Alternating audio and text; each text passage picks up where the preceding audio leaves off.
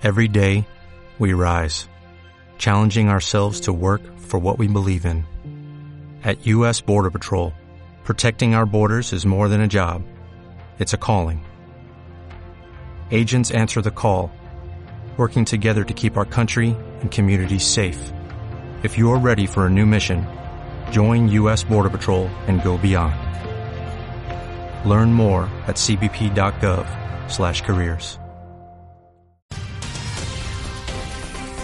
Noticiesdelta.cat, el butlletí informatiu per saber tot allò que passa al Delta de l'Ebre. Hola, molt bon dia. Us saludem des de Delta.cat. Anem a repassar, com sempre, l'actualitat de la jornada. El projecte SOS Samaruc ha aconseguit restaurar cinc llacunes al litoral ebrenc i crear nous hàbitats segurs per a este peix en greu perill d'extinció. El samaruc és una espècie que només habita a les llacunes litorals de les Terres de l'Ebre i al País Valencià. Ens ho explica Diana Mar. El samaruc és un peix que es troba en greu perill d'extinció per la degradació dels seus hàbitats a les llacunes i per espècies invasores com la gambúsia. Ara el projecte SOS Samaruc, impulsat per la Fundació Andrena, juntament amb l'Associació Paisatges Vius i el Parc Natural del Delta de l'Ebre, ha aconseguit restaurar cinc llacunes al litoral ebrenc per crear hàbitats segurs per a aquesta espècie. El samaruc només habita les Terres de l'Ebre i al País Valencià. Escoltem Nati Frank, tècnica del Parc Natural. El que s'està fent és recuperar hàbitats de, propicis per a Sant Maruc i fent reintroduccions. I una de les últimes actuacions que s'han fet és el projecte d'eliminació de, gambúcia en aquesta llacuna, que és la llacuna de Santes Creus perquè era un hàbitat idoni per al samaruc, hi havia una població estable molt bona de samaruc, però es va introduir la gambúcia, i la gambúcia és un dels factors principals que fan que acabe desapareixent aquesta espècie que està en perill crític d'extinció.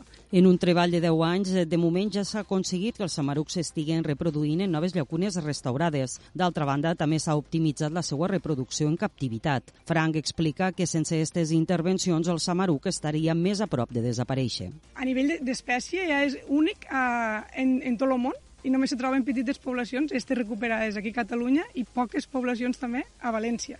I a nivell d'espècie molta importància, però per una altra banda a nivell de biodiversitat, cada espècie que es perd és una peça més del tot l'engranatge que fa que la, la natura funcione. Des de 2014 s'han restaurat les llacunes d'Estany Tor, Torrent del Pi, Port de l'Estany, Cala Justell i Illa de Buda, totes ubicades a les Terres de l'Ebre. També els expliquem que el grup municipal d'Esquerra Republicana de Deltebre, juntament amb el Jovent Republicà de Deltebre, ha presentat un seguit d'al·legacions al Pla Local de Joventut per al període 2022-2026.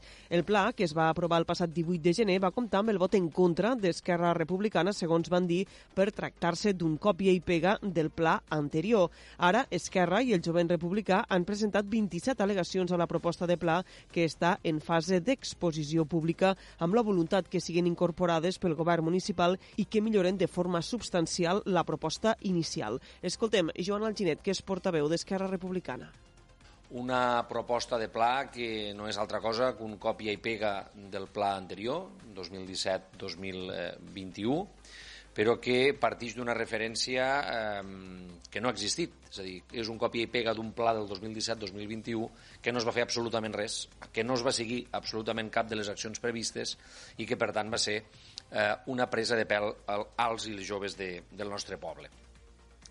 El nostre grup, evidentment, no va poder fer una altra cosa que votar-lo en contra. No ens va semblar ni oportú, ni just, ni ben treballat, ni ben planificada la proposta que ha de ser el full de ruta pels joves del nostre poble. Queda clar, queda acreditat que per al govern de l'Airem del Tebre els joves no han estat una prioritat.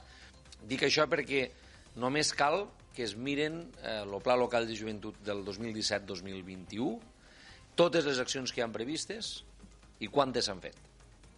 Mm? Zero. I per acabar, afegim un apunt més. La festa dels bous va tornar a la normalitat l'any 2022 amb 469 espectacles taurins. D'esta manera van augmentar significativament els dies de bous respecte al 2020 i el 2021, quan encara hi havia restriccions sanitàries. Els més de 450 espectacles celebrats van ser repartits en una cinquantena de festes de 27 pobles del Baix Ebre, el Montsià i la Terra Alta. Durant l'any passat, a més, es van obrir 13 expedients per males pràctiques, 9 per denúncia denúncies de particulars o entitats animalistes i 4 per actes d'ofici de veterinaris.